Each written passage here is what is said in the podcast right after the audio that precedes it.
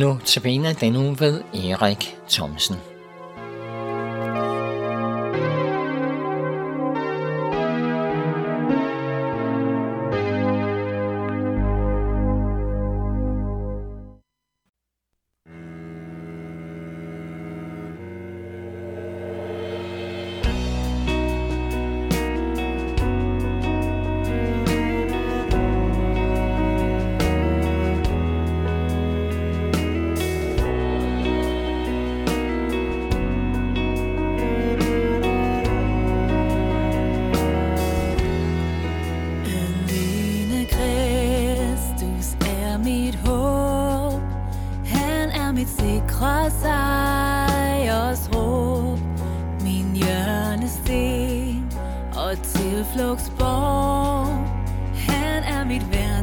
fue.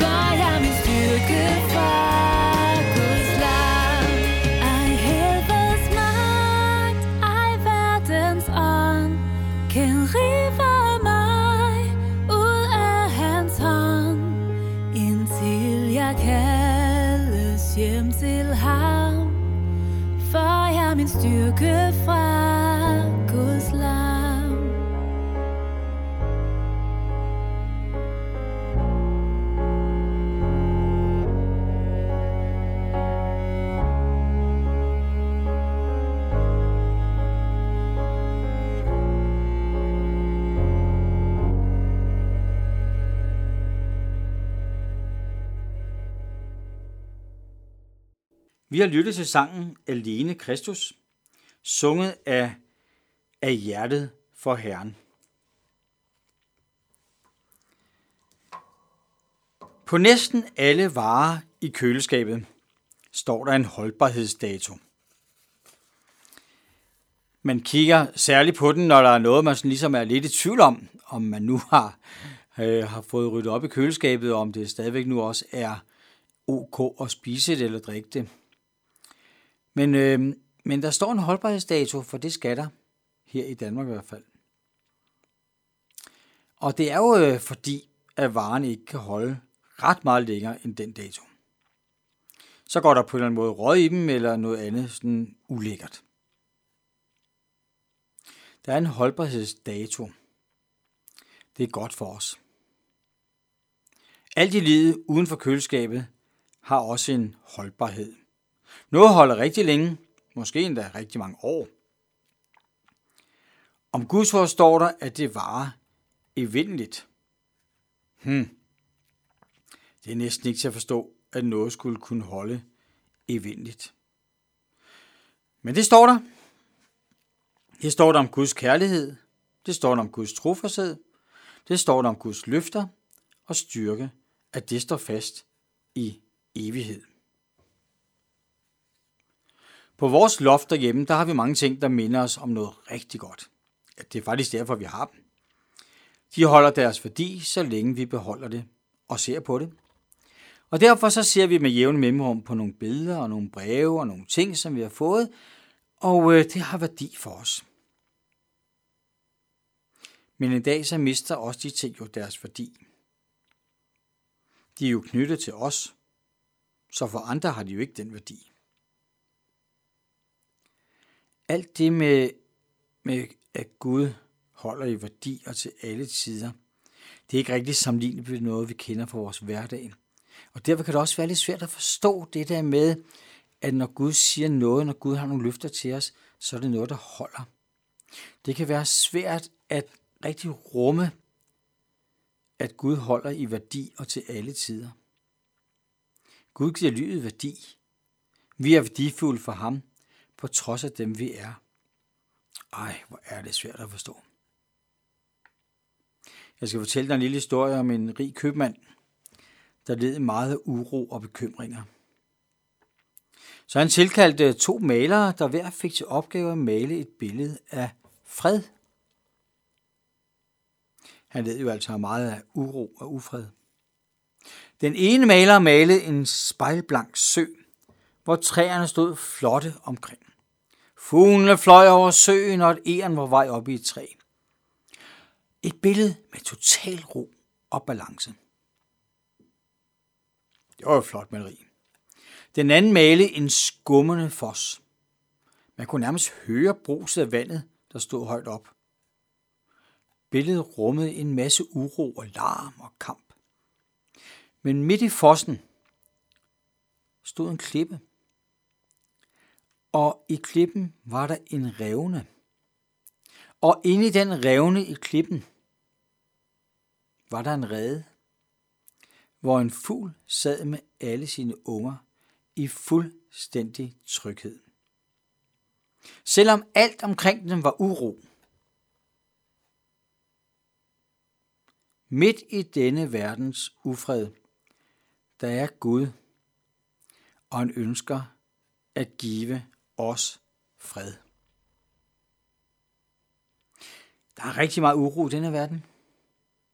Krig herver, og mens vi optager det her, så er der rigtig meget splid og mange kampe, både politiske kampe og fysiske kampe. Vi ved, at der er rigtig meget uro og splid i form af utroskab, magtkampe. Lige nu er vi hervet af virusangreb. Ikke bare på computer, men også til mennesker. Der er meget uro. Der er meget, der kan gøre os øh, angste, bange. Jesus taler om noget midt i det her, midt i vores liv, midt i det, som nu omkranser os. Så taler han om hans nærvær, og i hans nærvær om hans fred.